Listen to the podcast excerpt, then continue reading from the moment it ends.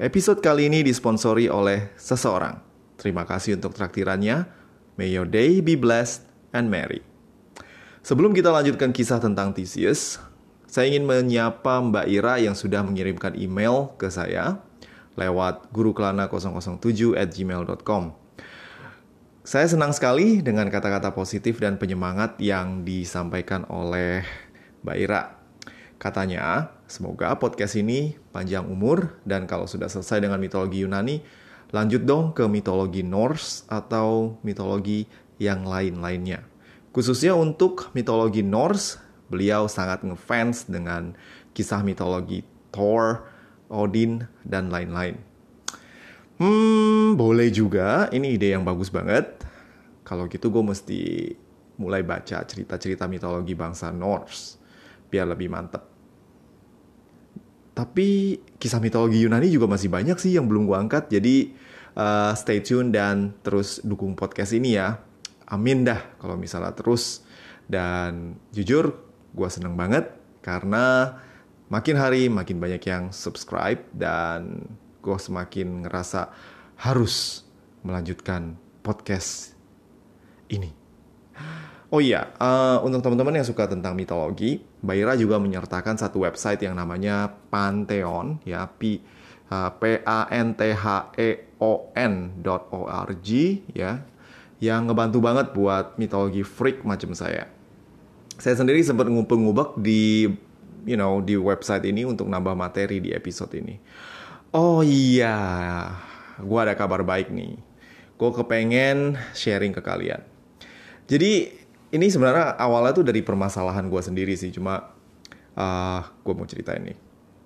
Jadi seiring berkembangnya cerita dari tiap episode di mitologi santuy, gue sadar banget banyak banget karakter yang muncul dan gue mulai kagak konsisten dalam narasi tiap tokoh. Maksud gue tuh gini, kadang ketika gue pengen ngeluarin suara penjahat, eh malah suaranya sama aja kayak jagoan. Kayak contohnya gue pengen uh, ngomong kayak Sersion malah suaranya sama kayak gue ngomong Theseus. Nah, yang susah lagi kalau misalnya gue pengen voice over suara karakter cewek. Yang nongol malah suara cewek yang rada ngebas. Ya, you know, suara gue kan kayak begini. Nah, sekarang gue pengen eksperimen nih. Gue pengen minta bantuan kalian. Gue pengen ngajak para santuyers buat ikut serta dalam episode-episode mendatang. Nah, sebagai eksperimen, pertama, gue sekarang butuh satu suara cewek yang rada jutek untuk karakter media. Kalau lu nggak tahu media siapa, lu bakal tahu di episode ini. Dan juga satu suara cowok yang, you know, rada-rada tua, berat suaranya untuk karakter Augeus, bapaknya Theseus. Kalau kalian tertarik, boleh kirim rekaman suara kalian berakting jadi media atau Augeus buat yang cowok. Lalu DM gue di IG Mitologi Santuy atau email gurukelana007 at gmail.com. Nanti buat yang paling cocok bakal gue ajak untuk jadi pengisi karakter tersebut. Oh iya, dibayar gak?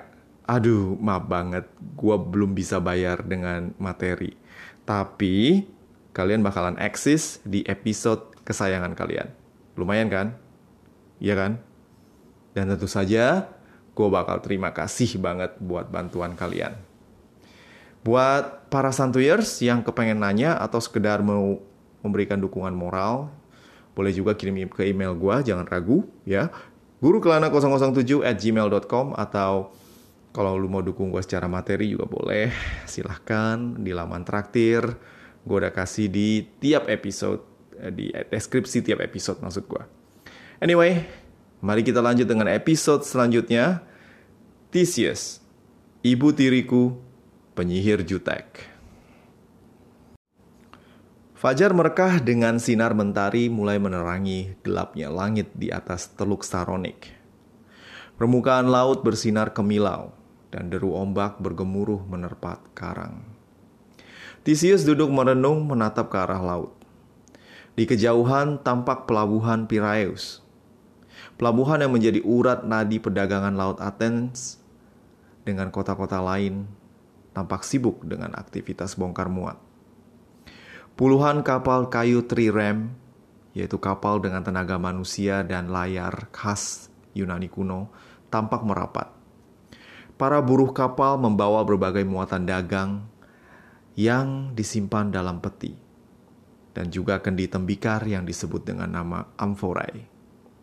Kendi yang lazim di zaman Yunani dan Romawi kuno ini banyak menyimpan hasil bumi, seperti minyak zaitun, anggur, sampai gandum yang menjadi bahan dasar roti.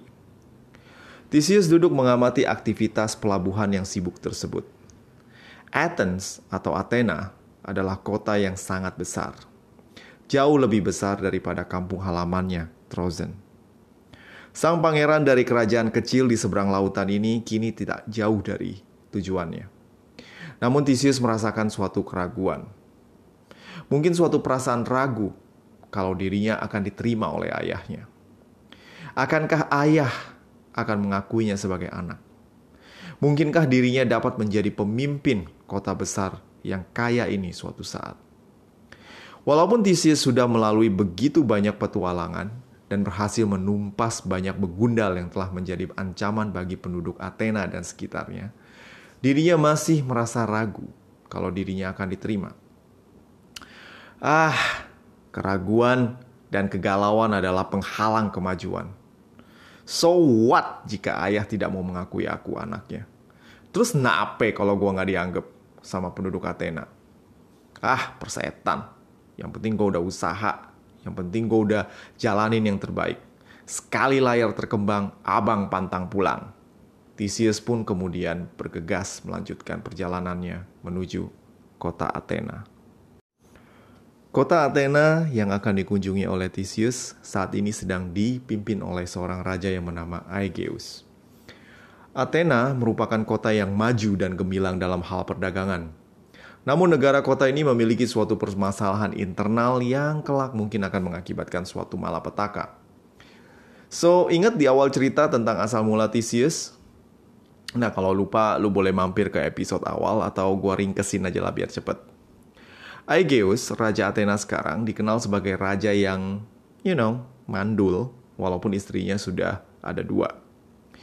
Itulah kenapa Aegeus pergi ke Delphi, Oracle, untuk meminta petunjuk dari Oracle dari Apollo. Yang kemudian somehow hasil ramalannya dibajak oleh Piteus, yaitu kakek dari Theseus, yang membiarkan cinta satu malam antara Aegeus dan Aetra terjadi. Aegeus tak pernah tahu kalau cinta satu malamnya itu kemudian menghasilkan seorang anak laki-laki yang tampan dan perkasa bernama Theseus. Sang raja yang dulu pemberani dan gagah, sekarang menjadi insecure karena tidak memiliki anak dan juga karena faktor usia. Let's say Raja Aegeus itu tidak setegas dan sekeren dulu. Raja Aegeus lebih fokus mencari istri ketimbang mengurus negara. Tak heran jika banyak begundal bermunculan dan mengganggu penduduk, namun sang raja tidak mampu berbuat banyak. Aegeus yang khawatir dirinya tak memiliki keturunan kemudian memutuskan untuk menikahi Medea, seorang penyihir wanita yang kebetulan mantan pacarnya Jason. Wait, siapa Jason? Um, well, Jason adalah nama salah satu pahlawan besar Yunani kuno yang sebenarnya bisa disandingkan dengan Hercules, Theseus, Perseus, dan juga pahlawan-pahlawan lainnya. Sebenarnya awalnya tuh gue pengen bawain cerita tentang Jason dulu. Cuma, you know, karena gue kalah voting, akhirnya gue membawa um, cerita Theseus duluan. Walaupun sebagai, you know, kalau misalnya gue bawain, secara timeline itu lebih sejajar kalau gue misalnya mulai dengan cerita Jason dulu, baru Theseus, dan setelah itu Hercules. Cuma waktu itu untuk kepentingan uh, popularitas gue lakukan Hercules dulu, baru Theseus, dan mungkin abis Theseus selesai gue bakal ke Jason. Tenang, cerita Jason seru kok. Anyway, Medea adalah wanita yang punya reputasi yang, you know, rada-rada infamous alias mengerikan. Dan untuk kepentingan timeline cerita dan menghindari spoiler, let's say dia wanita cantik yang punya kekuatan sihir yang mengerikan. You know, kalau lu nonton Game of Thrones ya macam kayak Melisandre gitu deh. Uh, you know, uh, tipe-tipe wanita cantik yang, yang mengerikan, punya kemampuan sihir, bisa ngeramal, macam-macam. Nah, media ini sebenarnya dulu merupakan love interest dari Jason dan setia menemaninya ya dalam misinya mencari bulu domba emas. Apa itu? Hmm, sabar ya. Media dalam perjalanan hidupnya kemudian akhirnya dilamar oleh Aegeus sebagai istri ketiga. Ya, setelah putus sama Jason tentunya. Medea dinikahi oleh Aegeus dalam kondisi hamil dan menurut kabar selentingan, janin di kandungan Medea itu bukan anak dari Aegeus, tapi anak dari Jason. Namun gak ada yang berani mengatakan hal ini di hadapan sang penyihir yang terkenal rada-rada sensi tersebut. Aegeus tahu kalau dirinya memang bukan bapak dari uh, anak yang sekarang udah jadi balita sehat bernama Medus itu. Tapi Aegeus memilih Medea sebagai istri ketiganya bukan karena sembarang alasan atau mungkin karena dia demen sama janda cantik. Tapi Medea ini adalah sosok yang kuat dan disegani. Banyak orang, termasuk lawan politik Aegeus yaitu adiknya yang bernama Palas. Nah, suatu ironis bagi uh, Aegeus di sini. Palas adiknya ini punya anak 50 putra 50 putra, lu punya bayangin, lu punya 5 an 50 anak dan itu baru cowoknya doang. Ya, yeah, you heard me right. 50 sons. 50 anak dan semuanya itu berasal dari Palas dan 5 istrinya. Gua nggak tahu anak ceweknya ada berapa. Ini kayak semacam lelucon ya, kayak dewa kesuburan yaitu Priapus. Mungkin dia lagi mempermainkan nasib dari Augeus atau memang mungkin ya mungkin gua nggak tahu ya jangan suzon dulu sih. Augeus itu mungkin waktu mudanya itu pernah nyinggung si dewa kesuburan ini. Nah, Aegeus ditakdirkan menjadi pria yang tidak punya anak setahu dia. Sedangkan adiknya memiliki anak 50 anak laki-laki yang pandai berantem. Nah, keadaan inilah yang buat Aegeus itu berusaha mencari seorang sekutu dalam diri Medea, sang penyihir wanita yang terkenal keganasan mantra dan kemampuannya dalam mengolah racun. Selama Medea ada di sisi Aegeus, tahta kerajaan akan aman diduduki oleh raja yang terkenal pelin-pelan dan agak cupu ini. Medea pun ingin agar anaknya Medus suatu saat menjadi penerus dari Aegeus menjadi Raja Athena.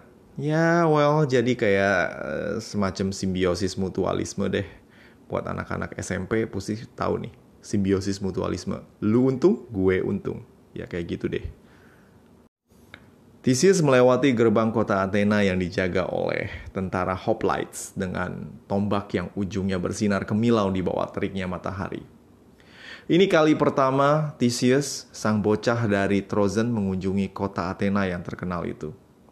Sang pangeran yang terbiasa hidup di Trozen yang sederhana dengan kehidupan desa, begitu terpukau dengan apa yang dilihatnya. Akropolis yang menjulang di atas bukit. Patung Athena berdiri di tengah Akropolis dengan begitu anggun, dan rautnya menunjukkan kebijaksanaan sekaligus aura garang yang tersirat. Tangan kirinya memegang perisai Aegis dengan wajah Medusa yang mengerikan, sementara tangan kanannya memegang Dewi Nike yang mendatangkan kemenangan. Kuilnya yang terbuat dari marmer berdiri kokoh sementara altar persembahan tampak membumbung dengan asap bakaran. Theseus berdiri tertegun melihat pemandangan kuil Athena dan patungnya di puncak Akropolis. Lalu lalang orang yang lewat berbicara dengan begitu banyak bahasa yang berbeda. Banyak dari bahasa yang didengarnya adalah dialek Yunani yang umum didengar namun banyak juga yang berbicara dalam bahasa yang asing. Para pedagang dari timur, dari gurun di Libya, sampai ke pendeta Amonra dari Mesir pun tampak berjalan di keramaian Agora Athena. Agora Athena adalah pasar tempat para penduduk dan juga pendatang berkumpul untuk berdagang. Ya, macam kongko atau sekedar tampil aja depan umum, kebanyakan juga pada pergi ke Agora ya macam mall zaman sekarang sih. Jadi kalau orang pengen belanja atau jalan-jalan, nikmatin suasana, itu mereka pergi ke Agora. Ya kayak mall sekarang kan, cuma ya memang nggak pakai AC. Theseus sampai di kota Athena ini pada puncak musim panas, di mana suhu udara bisa mencapai sampai 40 derajat Celcius. Seriously, ini panas banget. Bahkan buat orang yang tinggal di daerah tropis macam kita, trust me, gue pernah ke Athena di musim panas dan pakai AC pun gak nolong banget. Anyway, kenapa gue cerita jadi soal Athena ya? Ini uh, oke. Okay Anyway, suhu panas Athena yang dekat sama laut ini lumayan membuat Theseus kepanasan dan kehausan. Dirinya pun kepengen minum yang segar-segar. Ketika melihat kios jus buah delima segar di pojokan agora tak jauh dari kuil Hephaestus, Theseus pun tidak bisa menahan dirinya untuk membeli. Bang, beli jus buahnya satu bang, berapaan? Satu drahma aja dek, dijamin seger dijamin manis. Mau minum di sini apa takeaway, Dek? Minum sini aja deh, sambil ngadem. Bentar ya, Dek. Abang peresin dulu. Theseus duduk menunggu si abang delima memeras jus yang bakalan seger banget buat diminum siang-siang gini. Tak jauh dari kios terdapat para tukang besi dan juga pembuat senjata yang tampaknya sibuk bekerja menempa besi dan perunggu. Kuil Hephaestus, sang dewa senjata dan metalurgi, sedari dulu merupakan pusat dari para penajir logam. Tak heran jika tak jauh dari kuil tersebut banyak terdapat bengkel dan juga kios senjata. Seorang tukang besi yang tampak kepanasan dan kausan setelah menempa besi dari pagi datang menghampiri kios Abang Delima, tempat Theseus sekarang sedang menikmati jus merah dan segar tersebut. Bang, Jus limanya satu. Huh, panas banget gila. Sang tukang besi kemudian melihat Theseus yang sedang menyeruput jus delima. Matanya terbelalak ketika melihat pentungan perunggu milik Theseus. Dek, itu pentung dari perunggu? Um, kata pemilik sebelumnya sih iya. Dan pas gue pakai juga emang keras terus kuat gitu. Iya kayaknya sih dari perunggu. Kata Theseus sambil mengangkat gada miliknya dan menaruhnya di bahunya. Uh, om boleh lihat sebentar gak? Tanya sang tukang besi dengan sopan. Theseus kemudian menyerahkan pentung perunggu miliknya dan sang tukang besi pun mengamati dengan seksama. Uh, hanya satu orang yang bisa dan pernah membuat patung seperti ini. Periphetes Perifetes, ya ya ya, Perifetes. Perifetes yang yang perampok sangar yang ngaku-ngaku kalau dia tuh anak Hephaestus. Tapi katanya Perifetes sudah mati, dibantai sama bocah dari Trozen. Namanya uh, Theseus. Kamu Theseus? Uh, ya one and only sih om. Saya Theseus dari Trozen. Uh, saya belum sempat Theseus menyelesaikan kalimatnya, si tukang besi tiba-tiba berteriak nyaring. Woi guys, kita kedatangan pahlawan nih. Theseus dari Trozen, pembantai Periphetes ada di sini. Seketika pasar yang tadinya ramai dan penuh dengan orang yang lalu lalang hening sejenak. Dan kalayak ramai yang begitu sibuk dengan aktivitas mereka masing-masing kemudian mengerubungi asal suara. Theseus terkejut dan berusaha menghindar, namun tak mampu karena begitu banyak orang datang berkerumun. Tisius yang ngebantai sinis juga? Yang nyate si babi hutan Kromion yang nendang Siron sampai dimakan sama ikan? Terus terus yang yang yang yang yang, yang gelut semalaman terus terus matain lehernya si Sesrion. Yang ngalahin Thanos di akhir film Endgame. Kalayak ramai semakin bersemangat dan terus membombardir Theseus dengan pertanyaan. Ah, Tadi aku baru lewat Eleusis dan penginapan Durjana milik Proskrutes sudah rata dengan tanah. Apakah ini kerjaan kamu juga, nak? Um, uh, itu ya. Uh, jadi waktu itu aku nginep di sana, terus mereka ya nggak beres gitu. Terus pas aku mandi, aku lihat banyak tulang Kupikir ini korbannya semua dan aku denger juga mereka ngomong kalau mereka suka ngebantai orang terus disiksa dulu. Ya, kupikir kutumpas aja sekalian terus terus terus uh, aku bakar penginapannya biar nggak dipakai buat niat yang nggak bener lagi. Jawab Theseus terbata-bata. Seluruh penghuni pasar dan orang-orang yang mengerumuni Theseus selalu bersorak gembira. Theseus disambut bagaikan pahlawan dan dirinya langsung dielulukan. Entah dari mana, tiba-tiba banyak spanduk ala pilkada tiba-tiba muncul dengan tulisan Theseus for the world. Theseus calon raja Athena. Theseus, kau ini aku. Theseus, aku padamu. Reaksi positif dari para penduduk Athena ini wajar saja. Kenapa? Karena jalur perdagangan darat Athena memang agak terganggu dengan kehadiran para begundal yang sekarang sudah is dead semua karena jasa dari Theseus. Si tukang besi pun kemudian mengangkat Theseus ke bahunya dan menggotongnya ke tengah agora. Kondisi begitu heboh sampai Satpol PP, eh, pasukan Hoplites harus diturunkan untuk mengendalikan suasana. Theseus tahu bahwa popularitas apalagi di tempat yang asing seperti Athena haruslah diwaspadai. Dirinya tak ingin popularitas yang dimilikinya kemudian malah membuat pihak berkuasa iri dan kemudian melakukan niat jahat kepadanya. Om, om, om, sorry om, om, please turunin saya om. Please om, saya mau ngomong, saya mau ngomong, bener-bener dah, bener dah. Kata Theseus kepada si tukang besi yang kelihatannya begitu senang menemukan Theseus. Theseus pun kemudian turun dari bahu sang tukang besi yang keringetan plus bau asem tersebut. Om-om, tante-tante, bapak-bapak, ibu-ibu, adik-adik, terus juga sapi yang lagi diikat di bawah pohon zaitun sana. Kenalin, saya Theseus dari Trozen. Saya ke sini bukan mau nyari masalah, beneran saya cuma pengen ketemu sama Raja Aegeus, Raja Agung dari Athena. Saya pengen mengabdi pada raja kalian yang mulia dan melayani kalian semua.